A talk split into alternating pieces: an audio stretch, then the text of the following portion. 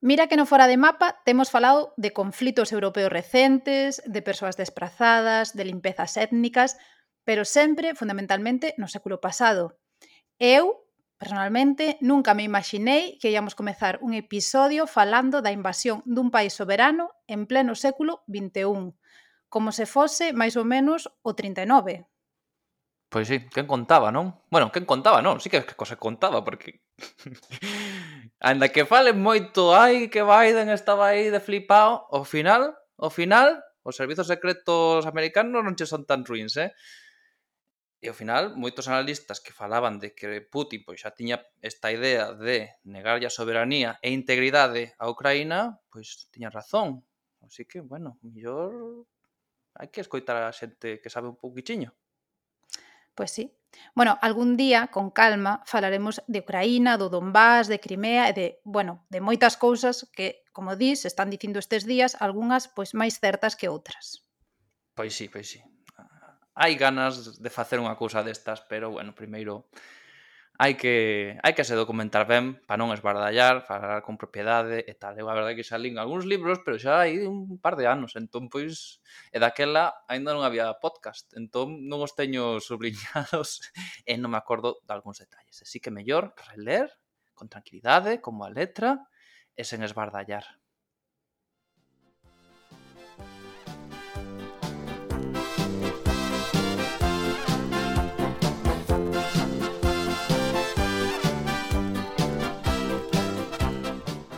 E en medio de todo este sinsentido da guerra, pois hoxe imos falar dun sitio moi tranquilo. Que mira, non o fixemos a propósito, xa estaba previsto, pero bueno, en medio de tanto horror agradecese un pouco de tranquilidade. Desta vez non vai haber violencia, case, nin masacres, nin limpezas étnicas.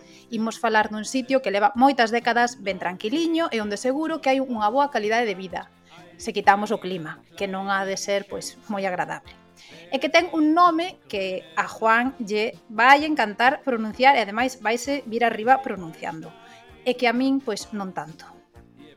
Bueno, non sei se me irei arriba, pero bueno, imos ir a Schleswig-Holstein, que seguro que pronunciei mal, se, xa, señores filólogos alemáns, perdóenme, pero bueno, só teño un, un A2 de alemán. Schleswig-Holstein é un territorio que, a vez, pois son varios, e está dividido agora mesmo entre dous estados da Unión Europea, Dinamarca e Alemanha. É máis ou menos o de sempre, non fora de mapa. É un lugar de, na fronteira, cun pasado complexo ou extremadamente complexo, como ides ver, porque isto algún vai reventar a cabeza. E ademais, hoxe en día, pois viven diferentes minorías. E como sempre, imos tentar de que os situedes ben no mapa antes de comezar coa historia. Oh ich erwähne es nur am Rande. Morgen ist in Blick steht Schwurf, geh mit mir A día de hoxe poderíamos sinalar que en Schleswig-Holstein viven basicamente dous povos, os daneses e os alemáns. E existe unha pequena minoría frisia, como xa mencionáramos naquil episodio que lle dedicáramos aos frisios. E claro, sendo un territorio de fronteira, pois Esta, esta fronteira non sempre se axusta ás fronteiras étnicas e lingüísticas, como ocorre en casi todas partes.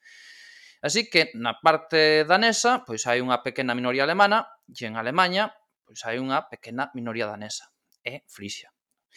De calquera maneira, e aínda que sempre se fale de, de Schleswig-Holstein xuntos, hai que sinalar que se tratan de dúas rexións históricas diferentes, aínda que sempre moi ligadas.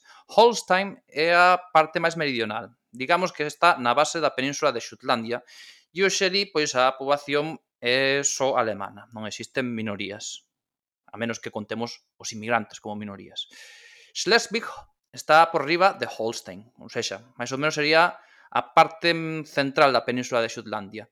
E aí, pois, dous tercios de, de, de Schleswig son territorio alemán, son parte da República Alemana, e ali, pois, viven alemáns e unha minoría danesa e outra frisia. E o tercio máis setentrional da rexión histórica de Schleswig, pois pertence a Dinamarca, e onde viven, pois, daneses e unha pequena minoría alemana. E claro, pois logo tamén hai que sinalar que Schleswig-Holstein é un dos eh, 16 lenda alemáns. Penso que quedou máis ou menos claro, máis ou menos, xa veredes que isto vai ser moito máis complexo, pero se non quedou claro de todo, fagueime o favor de mirar o magnífico mapa de Xan Sabarís que subiremos ás redes, como sempre. Pois ben, durante o episodio imos falar fundamentalmente deste Lander, de Schleswig-Holstein, xa que é unha unidade territorial aínda existente. Ese tercio septentrional de Schleswig, do que falamos eh, que ficou dentro das fronteiras de Alemán de Dinamarca, hoxe é simplemente un anaco dunha provincia chamada Dinamarca do Sur, ou sexa, que non mantivo a súa identidade cando menos en termos administrativos e políticos. Pola contra, o Estado alemán de Schleswig-Holstein sí que ten unha identidade administrativa e política, e de alguna maneira tamén cultural ten un tamaño non moi grande, máis ou menos como a metade de Galicia, pero unha población similar á nosa, case 2,9 millóns de habitantes. Aínda que non hai grandes cidades nesta rexión. As máis importantes son Kiel e Lübeck, na costa báltica, con algo máis de 200.000 habitantes. E ben, este estado alemán é o máis pobre dos landers da Alemanha occidental, pero aínda así son máis ricos que nós, que os galegos. Ademais, a pesar de que non ha de ter o mellor dos climas do mundo, Pois, bueno, é un lugar bastante turístico, cunha costa ben xeitosa, tanto a oriental que dá ao Báltico como a occidental que dá ao Mar do Norte.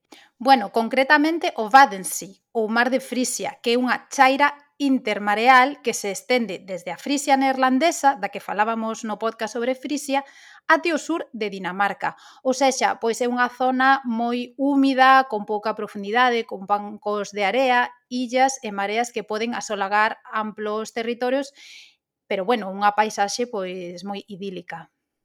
Bueno, moi idílica se non che chove ou está nubrado, que ali é bastante común.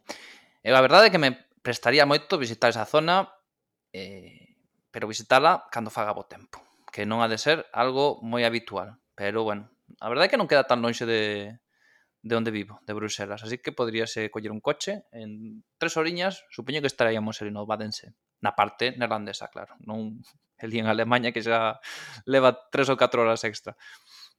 Pois sí. Bueno, de todos xeitos, vendo os datos históricos do tempo, Eh, sei que chove máis de media en Pontevedra, eh? e o tempo, aínda que parece así horroroso, pois tampouco debe de ser moi diferente ao de Bruxelas. Iso sí, frío debe de haber bastante, pero bueno. E, e, e vento, vento tamén ha de haber bastante porque ali está que cheo de muiños. Vento sí, vento sí. sí. sí. E ben, como dicíamos, pois hai unhas minorías a un e outro lado da fronteira, ou seja, persoas que viviron toda a, a vida pois, no mesmo lugar, pero que en algunha altura da historia pois xantaronlle ali unha fronteira e quedaron no lado que non lles correspondía, segundo a súa etnia. A principal destas minorías pois é a danesa de, do Landa alemán de Schleswig-Holstein, que se concentra pois nas zonas alrededor da cidade de, de Flensburg. Son sobre unhas 50.000 persoas, pero hai que ter en conta que a parte destas pois non fala danés na súa vida na súa vida diaria. Por a contra, sí que se identifican como daneses e, por tanto, contan, para a segunda lei, como membros desta comunidade, pero eles, pois, habitualmente falan alemán. E hai que ter en conta que esta minoría danesa xa ten sido máis máis numerosa. Ah, xa ten tido algúns bastantes miles máis de, de membros, porque digamos que a identificación como danés nese territorio, e segunda lei tamén, pois é algo fluido non sempre está relacionado con falar danés ou ou ter esa cultura, senón simplemente con ter certos rasgos culturais ou ter ancestros, aínda que tamén moitas veces, ao longo da historia, houve moita xente que se identificou como parte desta minoría por razóns puramente oportunistas. Sí, que xa veremos máis adiante. Eh, ademais, no lado danés existe tamén unha pequena minoría alemana de 15.000 persoas que se concentran en certos núcleos urbanos como en Sonderborg ou Tonder. Tanto unha minoría como a outra teñen dereitos culturais, educativos ou políticos recoñecidos en cada seu estado. E ben, sendo os dous países parte da UE, pois obviamente é moito máis sinxelo poder levar unha vida alén da fronteira do teu estado nai, digamos. E obviamente, pois tamén temos que mencionar aos frisios, que viven na costa do mar do norte de Schleswig-Holstein, e que segundo a legislación alemana son unha minoría lingüística recoñecida e, por tanto, teñen unha serie de garantías e dereitos engeidos como a cultura, a educación, os medios de comunicación, a administración, aínda que a minoría cada vez sexa máis pequena e non pase pois dos 10.000 falantes. Pero, se tedes curiosidade por saber como soa o frisio desta rexión alemana, aquí tedes un exemplo.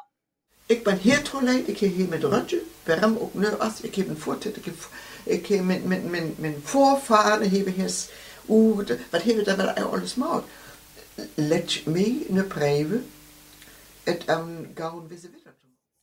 E obviamente, se queredes saber máis sobre os frisios, especialmente os de Friesland, no norte de, dos Países Baixos, pois temos un episodio dedicado a eles, que é o episodio 4, se non me equivoco, que máis ou menos publicamos hai un ano. E por certo, como curiosidade, tamén hai centos de miles de persoas no estado alemán de Schleswig-Holstein que falan Plattdeutsch, ou baixo alemán, que podíamos decir pois que un dialecto do alemán, anda que ten mm, importantísimas diferenzas co, co estándar, pero é considerado dialecto, xa que o Hochdeutsch, ou sexa alemán estándar, pois podese dicir que domina todo. A situación é un pouco como, como en Italia. O, Hoch, o Hochdeutsch pois é, é concebido como un idioma e o Plattdeutsch é simplemente un dialecto, anda que despois pois ten 2 millóns de falantes por todo o norte da Alemanha. E ben, esta clasificación, obviamente, pois ten máis de política que, que de lingüística. E algúns preguntaredes vos, e como son o baixo alemán? Pois desta maneira. Persoonlijk apart blieben schoof dat wie kan dat de coronavirus niet gelegenheid geben wieder te spreiden. Dit war dat oorweg. Wenn Menschen dicht taub sind, dann kann der Virus leicht von einer nächsten spreiden. Aber wenn wir apart blieben, dann kann der nicht so leicht von einer nächsten. Por certo que o vídeo é dos Servizos de Saúde da provincia de Alberta, en Canadá. E preguntaredes vos, por que? Por que? Por que falan Plattdeutsch en, en Canadá? Pois porque ali viven moitos falantes deste idioma que son sobre todo menonitas, que son esa secta protestante e pintoresca que hai en Norteamérica que teríades visto en bastantes películas. E hai que ter en conta tamén que incluso hai unha especie como de, de castrapo, hai unha, unha un castrapo alemán que mistura léxico e gramática do alemán estándar, ou seja, o Hochdeutsch, e o baixo alemán. E este dialecto ou sociolecto pois chamase Missingsch. Ademais, non só teñen un, senón que na cidade de Flensburg tamén teñen outro castrapo, chamémoslle así, que se chama Petu, que mistura o alemán estándar, o este baixo alemán e ademais o danés. E así, de calquera maneira, o baixo alemán pois é un idioma regional de Schleswig-Holstein, ou seja, está recoñecido pola lei regional. E, por tanto, pode ser usado en documentos e ensinado en algúns centros como unha materia máis e, ademais, tamén está presente en emisións de radio e programas de dinamización lingüística que son financiados con diñeiro público. Obviamente isto non quita que cada vez máis tanto o baixo alemán como sobre todo o frisio pois vayan esmorecendo tanto pola perda de falantes como pola hibridación das súas linguas. Pero, por outra banda, pois tamén hai que ter en conta, hai que sinalar que o feito de que Alemanha asinase a Carta Europea das Linguas Regionais e Minoritarias pois axuda bastante, bueno, non que asinase, senón que máis ou menos respete esta carta que asinou, pois axuda bastante a que haxe unha política eh, e legislación tanto a nivel federal como dos Landa que protexa pois estes idiomas minoritarios. Obviamente, ás veces non é suficiente esta, esta protección, e ás veces pois estes compromisos internacionais e políticas eh, e legislación pois non sempre se cumpren o 100% tampouco en Alemanha. Vale, ou sexa, recapitulando, que Schleswig-Holstein é o nome dun lander alemán que fai referencia a dúas rexións históricas da península de Xutlandia, Schleswig e Holstein. Holstein é a parte máis ao sur e está toda na actual Alemanha. Schleswig está na parte central da península de Xutlandia. Esta rexión quedou dividida pola fronteira entre Alemanha e Dinamarca, A maior parte pertence á actual Alemaña e nela viven as minorías danesa e frisia. A parte de Schleswig, que quedou dentro de Dinamarca, é máis pequena e nela vive unha minoría alemana. Moi ben. Vale como recapitulación? Perfecto. Vale. Moi ben recapitulado. ben. Pois logo, agora que xa sabemos quen vive aí e que falan, pois podemos comezar coa historia. E ide vos preparando porque isto é un, é un locurón, como xa vereces. A historia desta, deste territorio, chamamos territorio, que é a palabra menos in, máis indefinida, pois pode comezar co xurdimento de Dinamarca como un reino cun poder establecido, un poder central. Cun monarca pois que dominaba unhas terras que máis ou menos pois coinciden coa península de Xutlandia e esas illas que están alrededor. Isto sucede no século VIII. E desde aquela este estado pois tivo continuidade no mesmo territorio, máis ou menos até hoxe. Por tanto, a monarquía danesa podese considerar como a máis bella de Europa. E, de feito, a súa bandeira pois tamén o é. O sea, cando digan os do PP os de Vox, ai, España é a nación máis vieja de Europa, pois non, pois non. Podemos considerar Dinamarca ou non, depende do criterio. Pero España sí que non. E ese reino danés pois eh, tería un papel fundamental nunha chea de eventos como as invasións vikingas, que xa coñecedes, pois a creación do ducado de Normandía, do que falamos naquele podcast que dedicamos aos normandos, a descoberta e colonización de, de Islandia, etc. Pero non imos falar da historia de Dinamarca, senón da historia de Schleswig-Holstein, que é unha loucura, como xa veredes, unha loucura absoluta, e que unha mostra máis de que as fronteiras, pois naquela altura, pois non dependían dos povos que vivían nelas, senón simplemente dos dereitos dinásticos que monarcas e aristócratas pois tiñan sobre eses territorios e que dominaban como se fosen as súas leiras ou as súas propiedades privadas. Non era non tiña nada que ver con etnias ou con quen falaba tal ou cual. E isto é algo que hoxe moita xente pois non concibe como algo algo lóxico, algo que, que sucedeu, senón que entende que o que pasou pois eh, coincide con en parte, en parte con esas historias nacionalistas especialmente das nacións con Estado que tentan fundamentar a legitimidade do, do Estado e da nación política actual pois nun pasado pois canto máis antigo mellor. E tamén tamén nunha hipotética, que xa veremos que non, que non ten nada que ver, continuidade política no territorio desde tempos inmemoriais. E que, por tanto, esta continuidade idea de nación eh, política, pois, por tanto, dalle legitimidade ao Estado actual. E claro, pois, logo tú poste a ler sobre o caso de Schleswig-Holstein ou do Sacro Imperio Xermano-Romano, ou como se chame, isto, isto pacha a cabeza e con razón, porque isto é un, é un cristo absoluto. Sí, bueno, vamos a ver se explicamos o, o Cristo este, pero bueno, non sei, non sei seremos quen. Porque, a ver, Dinamarca era un reino na Idade Media, iso está claro. E Holstein era un condado que formaba parte do Sacro Imperio Romano, ou sexa, había un conde de Holstein que era vasalo dun duque de Saxonia, e este era, a súa vez, vasalo do emperador. Pero por outra banda, Schleswig a rexión do centro da península de Xutlandia, pois foi entregado no século XII como un ducado por Niels, rei de Dinamarca, a un parente que quedara fora da sucesión ao trono. Pois porque sí, porque se sentiría espléndido ou porque podía ou porque quería. Por tanto, Schleswig era un territorio vasalo de Dinamarca, pero con bastante autonomía e dominado por un duque desa mesma familia que o monarca danés.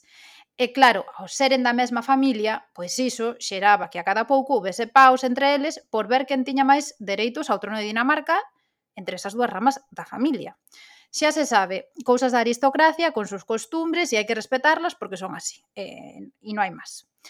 E por outra banda, estes duques de Schleswig, parentes e vasalos dos reis daneses, pois acabaron por ligarse dinásticamente cos condes de Holstein. Por tanto, o duque de Schleswig e vasalo do rei de Dinamarca era tamén agora conde de Holstein E ao ser conde de Holstein, pois obviamente tamén era vasalo do duque de Saxonia e polo tanto, indirectamente, do emperador do Sacro Imperio Xermánico. Quen chegou hasta aquí, coas cousas claras, mi enhorabuena. Sacro Imperio Xermánico Romano. porque este Sacro Imperio, que era un invento, invento dos occidentais, porque o único herdeiro lexítimo de Roma, todos sabemos que o Imperio Romano de Oriente, pois puxeronlle xermánico e romano, pois porque sí. De calquera maneira, non sei se quedou claro, pero bueno, nos facemos aí o esforzo, con todo o noso cariño do mundo.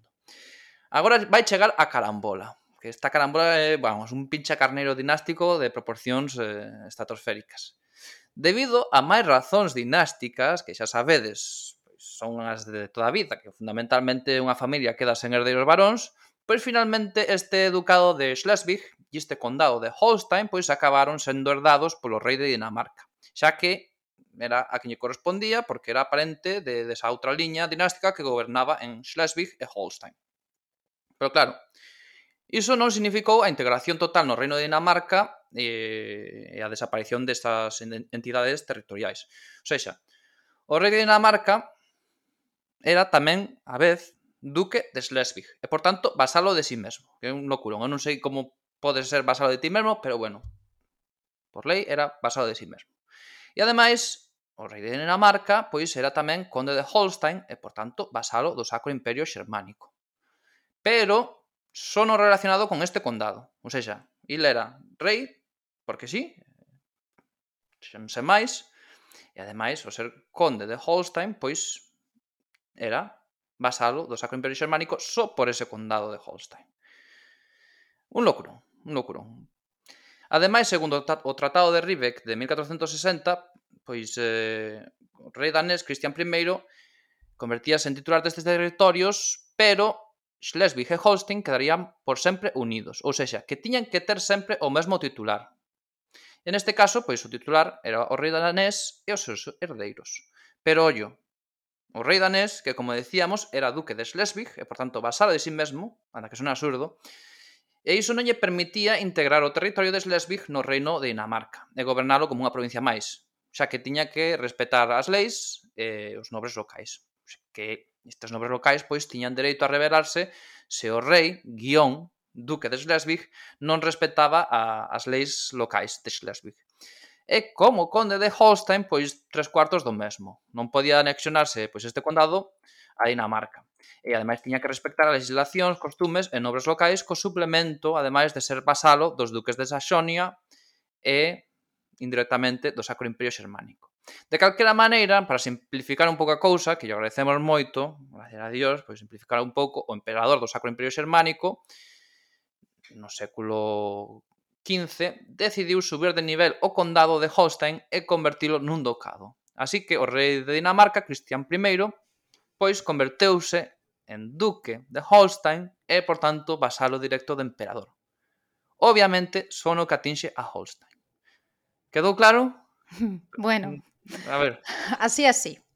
O sea, o rollo é que o rei tiña moitos territorios, pero só podía facer o que máis ou menos quería nuns dominios específicos, nos que eran, pois, da parte de Dinamarca. Noutros, pois, case mellor non andar a facer cousas que molestaran os nobres locais. Claro, porque non podía por, por lei. Moi ben. Pois sí, máis ou menos quedou. Así, así. Máis ou menos, ben. É así, moi simplificado. O tema este, pois, é que é un sarillo dinástico increíble, increíble. E estamos a simplificar bastante, para que non abandonedes o podcast aquí os 10 minutos, porque senón, vamos, acabades tendo que facer aí un organigrama cas diferentes ramas e sus ramas dinásticas que basicamente é o que tiven que facer eu cando estaba preparando o podcast, porque senón me explotaba a cabeza del todo. Sí, sí, de feito, Lord Palmerston, que foi primeiro ministro británico durante o século XIX, pois Seica dicía que só había tres persoas que entendesen realmente a disputa por Schleswig-Holstein. Un era o consorte da Rainha Victoria, que era dunha casa nobra alemana que tamén tiña unha chea de, de spin-offs e reviravoltas dinásticas que dá para un libro. Outro era un profesor alemán que acabou todo da cabeza, a base de estudar isto, e o terceiro era o propio Lord Palmerston, que acabou por esquecer de que trataba o chollo. Así que tranquilos, non entendedes nada, eh? É unha cosa normal.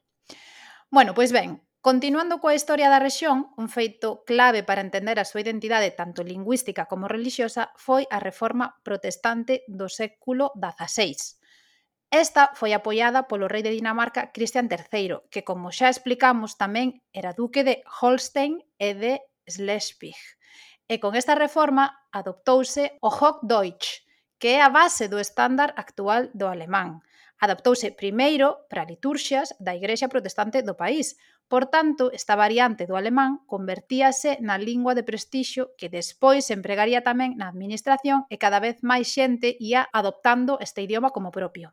E con isto penso que podemos xa chegar o século XIX, vamos a ir un chimpo grande, porque senón con tantas reviravoltas dinásticas, pois non acabamos máis. Como polo medio sucederon moitas cousas, xa sabedes, pois as míticas cousas que suceden entre os séculos XVI e XIX. Guerras dinásticas, guerras de religión, rebelións contra os intentos de centralizar, neste caso, Dinamarca e eliminar a autonomía destes ducados, liñas dinásticas paralelas, paus con Suecia e incluso un conflito con Rusia porque o zar Pedro III pois tiña dereitos dinásticos sobre os ducados de Schleswig-Holstein, porque era un pouco parente dos, dos reis de Dinamarca. Isto un locurón, un locurón. Un locurón que esperemos que non se tere Putin deste locurón, porque senón... Sí, igual lle dá por invadir Schleswig-Holstein. Non sei, saca hai un, un documento que proba que realmente lle pertence a Rusia por historia e tradición. Ollo, ollo. Oye, e ver, no século XIX, pois Holstein xa era de fala completamente alemana. ou seja, xa se alemanizara todo ese territorio debido pois, a expansión da, da Igrexa Protestante, a que era a lingua de prestixio, entón, pois, a poboación danesa que vivía en Holstein pois xa abandonará completamente o danés e falaba só alemán. E no caso de Schleswig, pois cada vez ia xermanizándose máis debido, pois, o que dicíamos, a igrexa, pero tamén a administración e a educación que usaba fundamentalmente o alemán. Porque daquela o alemán pois era o idioma máis potente de prestixio en toda a zona, tamén en Dinamarca. De feito, poderíamos dicir que Dinamarca, ou cando menos as súas clases altas, pois estaban medio xermanizados. Isto non, non cambiou até mediados do século XIX, no que xa xurde o romanticismo e o nacionalismo, en ese período pois eh, recupérase a lingua danesa como idioma nacional. Bueno, e coa chegada do século XIX e as guerras napoleónicas ocorreu algo importante, a fin do Sacro Imperio Xermánico, no 1806. Ou sexa, que ese ducado de Holstein deixaba de ser vasalo do emperador e quedaba medio incorporado a Dinamarca. Medio, medio, medio. Nese momento impúxose tanto sobre Holstein como sobre Schleswig boa parte da legislación danesa, ou sexa, seguían tendo ao rei danés como titular dos ducados, seguía sendo autónomos de Dinamarca, pero cada vez menos. E obviamente estes intentos de integrar estes dous ducados no reino de Dinamarca pois non lle prestaron moito á poboación local xermanófona. Ademais, despois das guerras napoleónicas creouse a Confederación Xermánica, que era unha especie como de substituto do Sacro Imperio Xermánico, unha especie, creado polas potencias europeas. Era basicamente unha asociación dos 39 estados xermánicos que formaban parte do Sacro Imperio Xermánico, entre eles Austria e Prusia, que eran as potencias principais. E, polo tanto, o Ducado Holstein pois fixo parte desa confederación, aínda que como vimos de dicir, seguía na órbita de Copenhague. E como decíamos antes, para así facelo así máis sinxelo todo, o rei danés era o titular dese ducado. O sea que, como diría outro, this is madness total. No, no, no. Como diría outro, this is madness! Hai que por aí ven a, a pronuncia. E ben, aquí onde comeza xa en serio o conflito de Schleswig-Holstein, conflito bélico, que implicaría as potencias europeas durante boa parte do século XIX. Como saberedes, pois durante todo o século XIX houve intentos por construir un Estado alemán que unificase os diferentes ducados, reinos, principados, etc. etc, etc. Arredor dunha potencia eh, alemana ou xermánica, que sería, pois, ao final, Prusia, que foi capaz de formar o segundo Reich ou seja, o Imperio Alemán de, de Bismarck, do Kaiser Guillerme e tal. E esta rexión de Schleswig-Holstein ou estas dúas rexións pois tería unha importancia fundamental na creación desta nova Alemanha porque Prusia e Dinamarca pelexaron dúas guerras por, por, por Schleswig-Holstein. A primeira sucedeu en 1848 ao tentar Dinamarca facer de, de Schleswig unha parte integral do reino aínda que respetando unha certa autonomía. Isto provocou unha insurrección da poboación alemana en Schleswig, máis tamén en Holstein, que demandaban cortar completamente os lazos con Dinamarca. E claro, Prusia vendo aí a situación, pois aproveitou para declararlle a guerra a Dinamarca e apoiar os rebeldes eh, xermanófilos pero non foi capaz de derrotar completamente a Dinamarca e as grandes potencias pois eh, interviron porque non estaban pola labor de permitir aí unha Prusia moito máis potente que dominase aí o Báltico. Así que, coa mediación do, das potencias europeas, logrouse un acordo polo que os ducados de Schleswig e Holstein pois seguían unidos dinásticamente a Dinamarca, pero recuperando a súa autonomía case que completa. Pero 16 anos máis tarde, en 1864, estalaría unha nova guerra cos mesmos actores e por causas similares. Anos antes houbera un sarillo dinástico no que non imos entrar porque senón xa mm, marchades todos. E un novo rei de Dinamarca, Cristian IX, herdou o reino e os ducados de Schleswig e Holstein. E ben, este Cristian pretendeu de novo de reducir a autonomía de Schleswig e integrala dentro de Dinamarca, ou sexa, unha violación do acordo de paz co que rematara a guerra anterior e que provocou unha nova intervención de Austria e de Prusia. E desta vez, a derrota danesa foi total. Por tanto, estes ducados acabarían por integrarse no futuro imperio alemán. Pero, dentro deles, especialmente de Schleswig, ficaba unha importante minoría danesa a que se lle permitiu ficar ali ou migrar a Dinamarca. Xa vos podedes imaginar que os que ficaron pois non tiñan as mellores condicións para desenvolver e expresar a súa cultura, lingua e identidade danesas. E con isto pois, chegou a Primeira Guerra Mundial na que Dinamarca foi neutral pero obtivo un premio como consecuencia do castigo a Alemanha, do Tratado de Versalles, xa que Alemanha, como sabedes, perdeu a Primeira Guerra Mundial e había que castigala. Co fin de solventar o problema que supuña esa minoría danesa en Schleswig e así de paso pois xa facer pagar un castigo extra a Alemanha, pois as potencias vencedoras da Primeira Guerra Mundial obrigaron a realizar dous eh, referendos no norte e centro da rexión de Schleswig ou do Ducado de Schleswig. E conforme os resultados de, destes referéndums, pois trazar unha nova fronteira entre Dinamarca e Alemanha. Este tipo de solucións, a verdade, é que eran moi propios desa época e tiveron lugar noutras zonas de Europa con poboacións misturadas, como en Carintia, que está en unha rexión que está entre Austria e Eslovenia, ou mesmo en Silesia, que como xa comentamos naquil podcast que dedicamos aí hai, non sei, dous ou tres meses a esta región. No norte de, de Schleswig, pois o 75% da poboación votou a favor da Unión a Dinamarca, mentres que no centro da rexión pasou o contrario. O 80% de cidadáns votaron por permanecer en Alemanha. Desa maneira, trazouse unha nova fronteira que dividía a Schleswig en dous anacos, o tercio septentrional para Dinamarca e os outros dous tercios para Alemanha. E claro, tanto na parte danesa como na alemana ficaban unhas pequenas minorías de alemáns e daneses. Estes últimos, pois foron algo, algo reprimido polos nazis. Algo se cadra bastante. Xa que xa sabemos que os nazis non lle gustaba moito as minorías, tampouco as minorías así de, de ollos claros e de, de pel clara. Enda así, pois Alemaña, que ocupou Dinamarca eh, durante a Segunda Guerra Mundial, pois eh, non lle deu por, bueno, máis ben a Hitler, non a Alemaña, pois non lle deu por recuperar ese tercio setentrional de Schleswig. Deixou a Dinamarca, están ocupados iso sí, pero non cambiaron as fronteiras durante a Segunda Guerra Mundial. Pois sí, non, non sei por qué, pero, bueno, non lle deu por aí.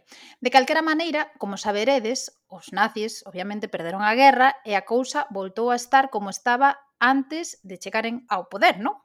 Pois máis ou menos, porque coa derrota alemana tamén chegaron a chea de refugiados alemanes de, de Europa Oriental. Como sabedes, chegaron millóns de, de alemáns fuxidos de Europa Oriental. E algúns miles destes eh, refugiados foron instalados en Schleswig-Holstein, pois declaráronse membros da minoría danesa.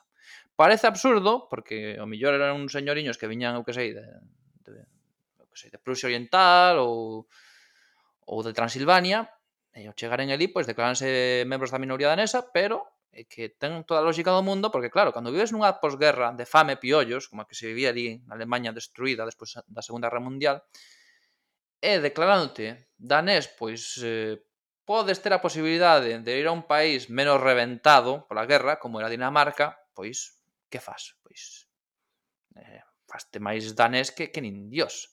E ademais tamén tens que ter en conta que naquela altura pois o goberno de Copenhague andaba a repartir touciño e patacas entre os membros da minoría danesa en Slesvig para que non morreran de fame. Así que pois é normal, eh, eu tamén o faría, pois eu faríame máis danés que, que, que Laudrup, eh, Daniel Bass e, eh, e Piones Istor xuntos. Piones sobre todo, que lle encanta o, o touciño, vamos. Bueno, Así nesa época da posguerra, pois declarábanse como membros da minoría danesa en Schleswig até 100.000 persoas. Polo touciño vai laucán, que diría aquel. E bueno, ben que facían, porque o es, comer é moi importante. Pero ben, unha vez se foi estabilizando a situación económica e social no país, esta minoría foi perdendo membros até estabilizarse nas seguintes décadas nos 50.000 membros. E bueno, antes de rematar o episodio, hai que repasar un pouco como é a situación das minorías e da vida política desta zona hoxe en día. Tanto a minoría danesa en Alemanha como a alemana en Dinamarca teñen unha serie de dereitos e garantías recoñecidas nas leis nacionais debido aos acordos de 1955 entre a antiga República Federal de Alemanha, ou seja, aquela que tiña como capital a Bonn, e Dinamarca.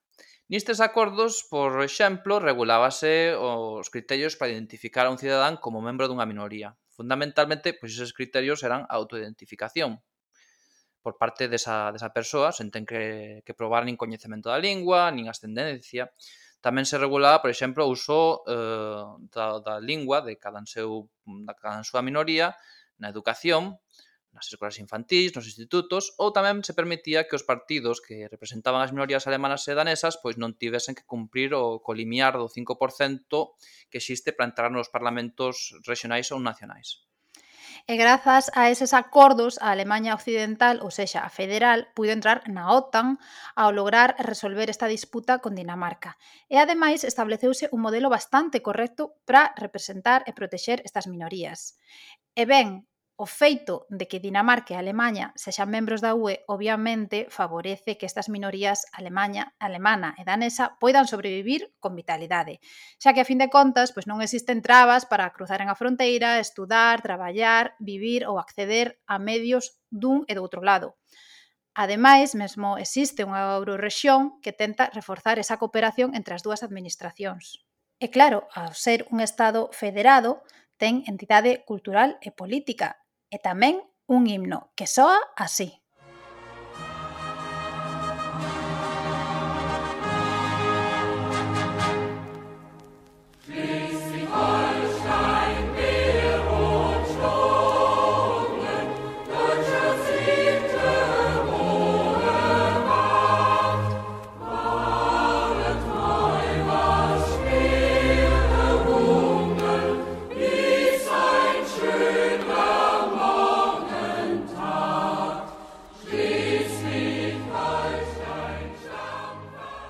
xa que vimos de falar dos partidos que representan as minorías, habería que mencionar o Schleswig Partei, que representa a minoría alemana en Dinamarca, e que teñen algúns concelleiros nalgúns municipios, sobre todo municipios urbanos. E digamos que é o irmán xemelgo e ten moi boas relacións co Südlesbiger Ballerverband, que, é un, que son tres palabras aí xuntas é moi difícil, pero bueno, máis ou menos se a pronuncia. O SSW, que é o partido que representa as minorías danesa e frisia na, na parte alemana de Schleswig.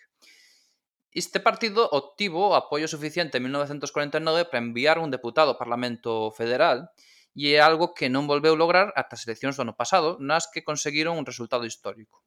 Ademais, o SSW tamén ten presencia a nivel municipal en cidades como Kiel ou Flensburg, e no Parlamento do Estado de, de Schleswig-Holstein, onde mesmo chegaron a formar parte do goberno entre 2012 e 2017.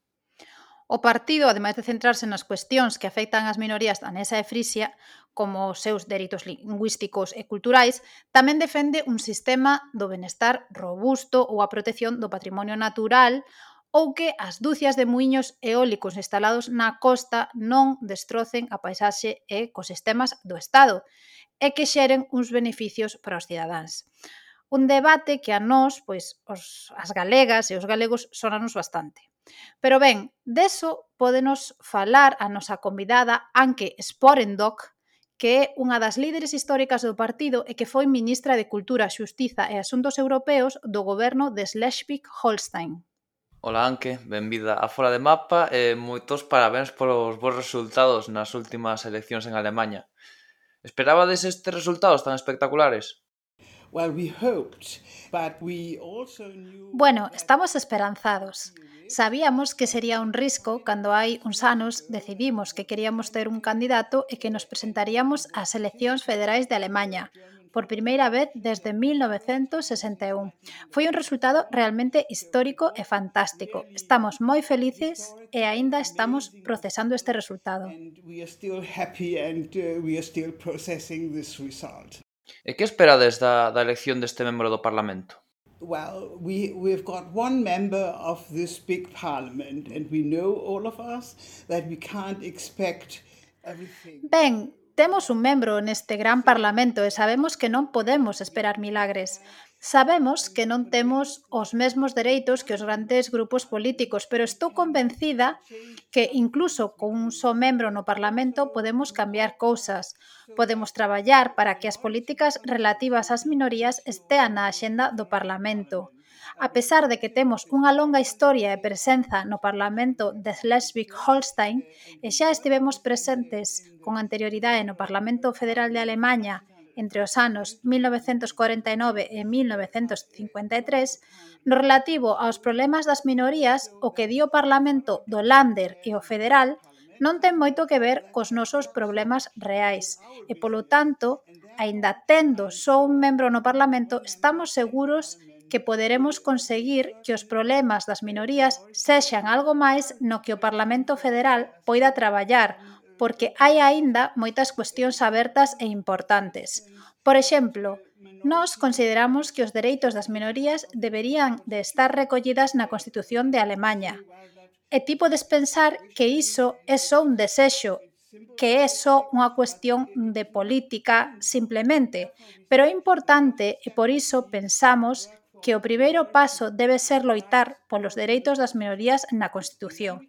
E a partir de aí podemos traballar noutros temas importantes para nós, como por exemplo, como representante da minoría danesa, o temas relativos á traducción ao danés é importante. Tamén temos que traballar pola minoría frisia, porque, por exemplo, cando contactamos as institucións federais, debemos facelo en alemán, O papeleo ten que estar en alemán e queremos que se poida facer en danés, frisio ou en calquera lingua minoritaria. Este dereito sí existe en Schleswig-Holstein, pero queremos que exista tamén a nivel federal. Uh, this right uh, do we have in Schleswig-Holstein and we want the right on the federal level as well. Mm -hmm. Acabas de comentar xa algo da, da historia do partido, pero poderías, por favor, profundizar máis eh, nesta historia? Porque, se non me equivoco, é un dos partidos políticos máis antigos da Alemanha, non é? Yes, uh, the SSW. Uh, eh, in, in German we say Südschlesischer Wählerverband. Uh, sí, o SSW foi creado no 1948, un ano antes da fundación da República Federal Alemana, en 1949. Na parte norte de Alemanha estaba o goberno militar británico e eles insistiron na fundación dun partido político, porque até ese momento o que había era unha organización que traballaba polos dereitos culturais, sociais e políticos das minorías, pero o goberno militar insistiu en que deberíamos fundar un partido político real, e así o fixemos. Así que creamos un partido para defender os intereses da minoría danesa, E agora, por un lado, temos a SSF, a asociación que traballa en temas lingüísticos e culturais, e por outro, o partido político. E botando a vista atrás, foi moi acertado crear o noso partido porque as minorías sempre deben actuar no eido político. Non podes ter unha minoría sen accións políticas propias ou un programa político propio. E decidimos facelo así en lugar de integrarnos dentro dun dos grandes partidos políticos alemáns, para poder ter a nosa propia voz porque, por exemplo, no caso da minoría dos orabos, que está presente en Brandenburgo ou en Saxonia, eles decidiron a partir de 1990 integrarse nun deses grandes partidos. E agora é moi difícil para eles que as súas reivindicacións sexan escoitadas neses grandes partidos. Nós, pola contra, podemos decidir as nosas metas, o noso programa político, a nosa dirección política, os nosos candidatos, e iso foi, creo, fundamental para o noso éxito político.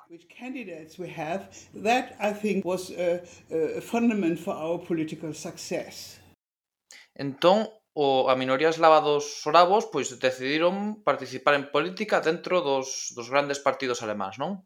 Yes, yes. Germany recognizes... Sí, sí. Alemanha recoñece catro minorías, a danesa, a frisia, a minoría dos Sinti e Roma e a minoría soraba, seguindo a reunificación do Estado alemán en 1990, dentro do Convenio Marco para a Protección das Linguas Nacionais do Consello de Europa, que recoñece os dereitos das minorías.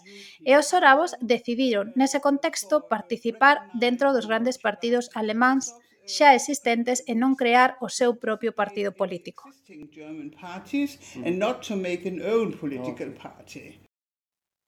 E cal é a situación actual da minoría danesa en Schleswig-Holstein? Cales son os seus problemas principais? Son diferentes dos da maioría alemana? Uh, well, we are still fighting for economic equality. Uh, we have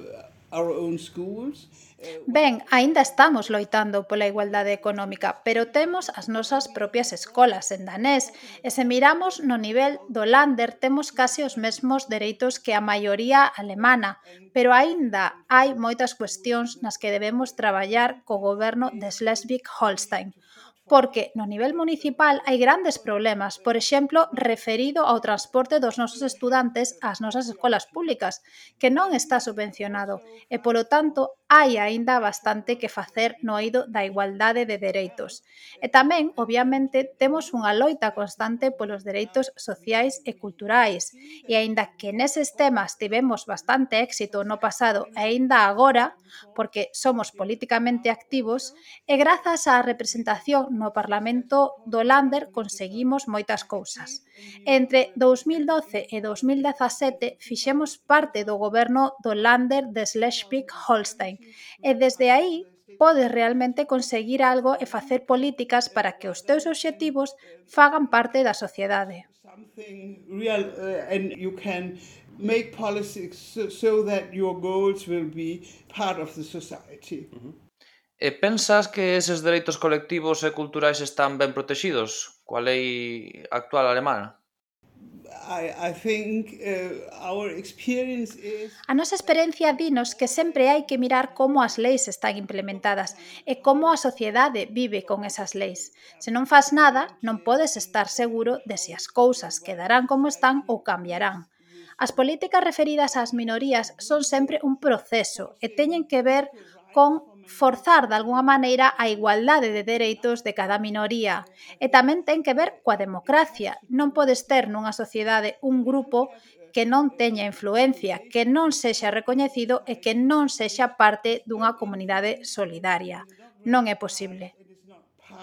Of the solidarity. That's not possible. Eh, no meu caso, eu veño de Galicia, dunha zona moi próxima á fronteira con Portugal, Por lo tanto, para min é moi normal ir a Portugal, pois comprar, ir ao Ikea, viaxar desde os aeroportos portugueses. Non sei como é a situación para para a minoría danesa en Alemanha. Se teñen unha identidade dual ou teñen así como unha mentalidade fronteiriza, eh, van cruzar a fronteira habitualmente, porque claro, aí na fronteira tampouco existe algúns dos estados parte da Unión Europea. Non sei se pensan esta minoría danesa en termos alemáns ou en termos regionais ou en termos daneses alemáns Sí, a nosa identidade é unha identidade minorizada. Eu son danesa, vivindo no sur de Schleswig, pero naturalmente preocupámonos de todo o territorio e sempre estivemos e estamos en contra dos controis fronteirizos. Dinamarca comezou a facer controis fronteirizos no 2015 e tivo que ver coa situación migratoria had to do with the migration situation. Ah, ainda hai controles na fronteira. Well, Denmark so many uh, immigrants and and it has more... Ben, non hai moitos eh, inmigrantes e ten máis que ver coas políticas internas do estado danés que coa situación migratoria. Pero durante a pandemia da COVID-19 pecháronse as fronteiras de novo. Alemanha, como todos os países europeos, pecharon as fronteiras e iso foi moi decepcionante e moi difícil para nós, porque eu Vivo a dous quilómetros da fronteira danesa e vou a Dinamarca, a Padborg, a cidade a outro lado da fronteira, tres veces por semana, cando preciso mercar algo especial. Miña filla vive en Dinamarca e teño moitos amigos vivindo en Dinamarca. E estou convencida que esta rexión fronteiriza desenvolveríase mellor cando non teñamos ningún tipo de control fronteirizo. A cooperación entre Alemanha e Dinamarca é para nós un tema moi importante. Queremos ter máis cooperación e xa hai moita, pero queremos que se fortaleza a rexión fronteiriza entre Alemanha e Dinamarca en toda a rexión. to strengthen the German-Danish uh, border region, the whole region. Entón, os membros da minoría danesa estudan, por exemplo, habitualmente en, en universidades danesas, non é? e seguen os medios daneses, etcétera. Yes. Uh, uh, they study in Denmark, they, they... Sí, traballan e estudan en Dinamarca e viceversa. Eu, por exemplo, sigo a televisión danesa e leo xornais daneses e tamén alemáns. Vivir nunha rexión fronteiriza, vivir onde eu vivo, significa que usas as dúas linguas e as dúas culturas. In both languages. Mm -hmm. Ok, e, e hai cambios que preocupen no relativo ao número o número de persoas que forman parte desta minoría? Por exemplo, está a descender debido á inmigración ou a asimilación desta minoría? No, we don't count Non, non se contan os membros da minoría danesa. Facíase, pero parouse. Non hai censos. O que dicimos é que o importante é a identidade propia de cada un. Se alguén quere ser membro da minoría danesa, pode selo. Non necesita ser probado con algún tipo de test ou algo polo estilo. Obviamente, non pode ser membro dunha minoría sen usar a súa lingua e sen coñecer algo básico da súa cultura, pero Se miramos ao número de membros das nosas organizacións e das nosas escolas, porque temos escolas propias, podemos falar de que existen entre 40.000 e 50.000 persoas da minoría danesa. Nas eleccións ao Parlamento Federal conseguimos en Schleswig-Holstein 55.000 votos e 35.000 deses eran da rexión fronteiriza. O resto veu do resto do lander de Schleswig-Holstein came from uh, the other part of Schleswig-Holstein. Mm-hmm. Entón podríamos dicir que para eh, cualificarte a ti mesmo como un membro da, da minoría danesa, pois é basicamente unha cuestión de autoidentificación, ou seja, non tens que probar que falas o idioma ou que tes parentes que eran daneses, non é? Yeah, yeah. E teño entendido que, que vos en Schleswig-Holstein pois tedes un problemiña similar ao que existe en Galicia cos muiños de vento, non é? Yes, yes, we have. In Schleswig-Holstein is a very good. Si temos, Schleswig-Holstein é unha zona moi boa para xerar enerxías alternativas, e si temos muños de vento e producimos tanta enerxía que non podemos utilizala toda en Schleswig-Holstein. Polo tanto, temos que enviala ao resto do Estado, pero a lei federal alemana é tal que tes que pagar impostos onde se produce a enerxía, e como Schleswig-Holstein produce tanta enerxía eólica, ten que pagar as taxas eólicas correspondentes a esa produción e polo tanto a enerxía é cara. É máis cara onde eu vivo que en Bavaria, por exemplo. Débese cambiar esa lei porque non é xusta, porque temos precios da enerxía moi altos neste momento e é un gran problema. And therefore we say well, we must change this law.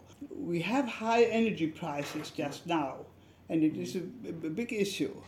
E, finalmente, poderías explicarnos brevemente como é a situación da minoría frisia en Schleswig-Holstein? Supoño que máis ou menos terá os mesmos problemas culturais e lingüísticos. If you look upon the Frisian minority, then uh, Se miramos a minoría frisia, gran parte desta minoría traballa en conxunto coa minoría danesa, e eso é debido a razóns históricas, pero tamén porque os frisios pensan que se traballan cos daneses obterán mellores resultados, e polo tanto temos unha organización que se chama Frix Foeining, e ali traballan xuntos coa SSW e coa minoría danesa. Lars Harms, un dos tres membros do SSW no Parlamento de Schleswig-Holstein é da minoría frisia, por exemplo, e fala frisio, alemán e danés. Ademais, para a minoría frisia é importante saber como poden traballar para fortalecer a súa propia lingua. Non teñen as súas propias escolas, van a escolas públicas ou danesas onde poidan falar frisio, pero para eles atopar mecanismos para poder preservar e fortalecer a súa lingua é unha cuestión moi importante. The Frisian language is a very important question. Mm -hmm. Pois moitas grazas, Anke, por achegarnos a esta realidade que é bastante descoñecida para nós, pero que é moi interesante. Graciñas. Thank you. E temoslle que agradecer a amiga Ana Miranda por pornos en contacto con esta señora. Foi a súa idea mesmo, ou seja que nos non lle pedimos nada, simplemente nos dixo, eh, por que non entrevistar a esta señora que vai estar en Bruxelas? E, bueno, pois, eh, moi agradecido moi agradecidos de que quedamos aí a Ana Miranda por facilitalo e por meternos esa idea na cabeza que nin siquiera a, a imaginábamos. E como sempre, non podemos marchar sen falar da gastronomía, que neste caso, para nós, eh, supoño que para moitos dos ouvintes é bastante descoñecida.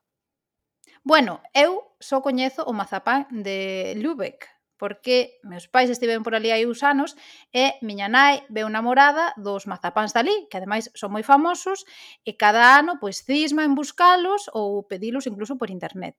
O sea que, e ademais están moi bons, porque eu non son moi fan dos mazapáns, pero, pero a verdade é que están ben estes. Non che sei, eu son escéptico, eu son anti mazapán en xeral. O sea, que non creo que me gustasen, pero bueno. Como pasa en toda a zona de Europa setentrional, pois eles son, como xa saberedes, de comer moito porco, salchichas, eh, cosas así fortes, potentes e calóricas. E sei que o prato típico de Lip, de Schleswig-Holstein, pois é o Grünkohl mit Kassler, que é unha especie de, de prato así completiño que poderíase asimilar pois o, o cocido galego ou o Sunday roast inglés. En este caso, pois leva carne de porco, leva Gruncol, que é como unha berza rizada, ou, ou chamalle kale, que agora está de moda chamarlle kale a berza de toda a vida, pero esta é rizada. E ademais, pois tamén leva patacas, touciño e, e así máis cousas. O sea, que é unha cousa potente, e, bueno, habería que probalo. No pro inverno seguro que está que está bo. Sí, así uns domingos de inverno aí co, coa friaxe, pois non sentan mal, non? Non. Pois, bueno, e seica, de postre, comen unha cousa que se chama rote grutze, non sei se o dixen ben, que é como unha pasta de froitos do bosque, así como moi machucados, e que se comen con yogur ou xeado ou vainilla, e que, bueno, creo que é doce. Pero bueno, nesta zona ten pinta que se come moitos froitos do bosque, pero tamén nos pratos salgados coa carne. O sea, que lle gusta moito ese do contraste do doce e do salgado, que tamén é moi típico pois de, das zonas de Escandinavia. Sí, ou na República Checa, por exemplo, ou de Polonia. Ben, a verdade é que eh, prestaba moito ese contraste. Sí, a mí tamén. mermelada de, que sei, de frambuesa con un anaco de carne, non sei. É ben préstamo. Bueno, quedónos un episodio máis cortiño que os últimos, grazas a Deus, grazas a Deus que xa se non topamos co traballo. E ademais máis tranquiliño, máis tranquiliño en canto a violencia étnico-relixiosa. Pero, bueno, porque non contamos a Guerra dos 30 anos, que eso foi un desastre absoluto, pero bueno, se non contamos con iso, que non ten relación específica con Schleswig-Holstein, pois quedonos máis tranquiliño. Iso sí, se cadra máis confuso con tanto ducado, condado, unión dinástica, o Sacro Imperio Xermánico Romano, eh, la de Dios. Pero bueno, como saberedes, estes arillos dinásticos eran normais até non hai moito. E penso que é preciso comprender que as fronteiras actuais en moitos estados pois non xurden como consecuencia dunha decisión racional, seguindo as fronteiras étnicas e lingüísticas. Moitas veces un territorio pertence a tal ou cual país simplemente porque un tipo, un señor, hai 500 ou 700 anos, pois herdou un condado, ou porque outro quedou sen fillos varóns para herdalo, e si que herdou no o seu primo segundo. E si de simple. Non hai que matarse moito. Non sei xa, os que, os que xoguedes así o, o Crusader Kings, que, bueno, xa saberedes, ben que eu querolle enviar unha mensaxe a Paradox, estamos abertos aos patrocinios pola súa parte, e se recupero os milleiros de horas que perdín xogando os seus xogos, pois bueno, os que xoguedes o Crusader Kings, pois xa saberedes de que vai o conto. Ao final, pois, sempre podes herdar así un territorio extra a, a base de liñas dinásticas que acaban esmorecendo. E despois, a partir de aí, ao cabo dun séculos, ah, somos daneses ou alemáns. Simplemente por cuestións familiares. Os que non xogamos, pois, bueno, facémonos a idea e xa está. Bueno, pois eh, a verdade é que sí, que habería que irlle por ali e que debe ser un sitio ben xeitoso. A min mm, gustaríame ir porque ademais é que cando meus pais foron por ali, pois viñeron encantados, maravillados, e meu pai aínda di, hai que volver por ali, hai que volver por ali. O sea que sí, a ver a que lle por ali. Sí, ademais, pois, eh, podemos visitar Lübeck, que é un sitio, é ser un sitio ben bonito. Ben bonito, típica cidade así hanseática, do Báltico, preciosa. Debe estar moi ben moi ben renovada, moi ben conservada, me prestaría ir, pero é que, non sei, nunca coincidiu. Algún día, que total desde Bruselas a, a Lübeck, que serán sete horas en coche, parando polo camiño, pois, máis ou menos, dá para visita así de fin de semana longo. Ademais, tamén me prestaría ir ao festival de Wacken, que se celebra en Schleswig-Holstein, e que ha de ser o festival de metal, de heavy metal, máis máis grande do mundo, pero bueno, eu a verdade é que como xa vou vello, xa son un pouco boomer, pois non me dá o corpo para dormir aí en tendas de campaña, eh, cagar en sitios eh, que están así sucios e que cheiran mal. E ademais sería o tempo non é bo nin, nin, nin no bravo, así que eu xa vou vello para, este, para estes esforzos físicos.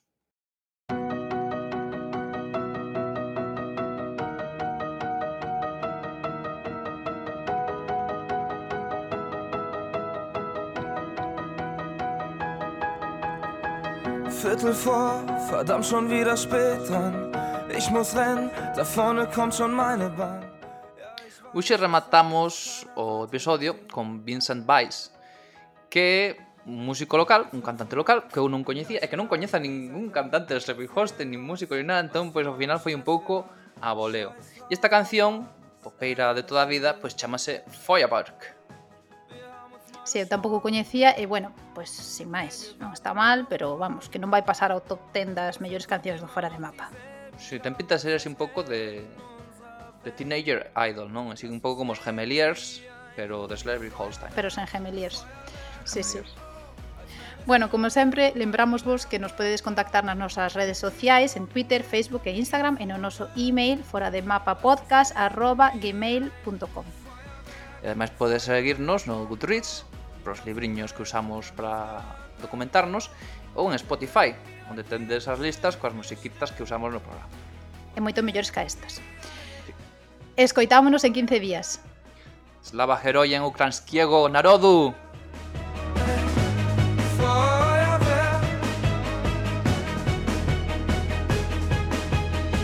Die Augen brennen, doch ich hör auf mein Gefühl.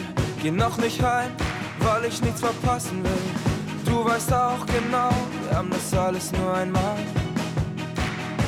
Wir haben uns mal geschworen, ey, wir warten nie auf morgen.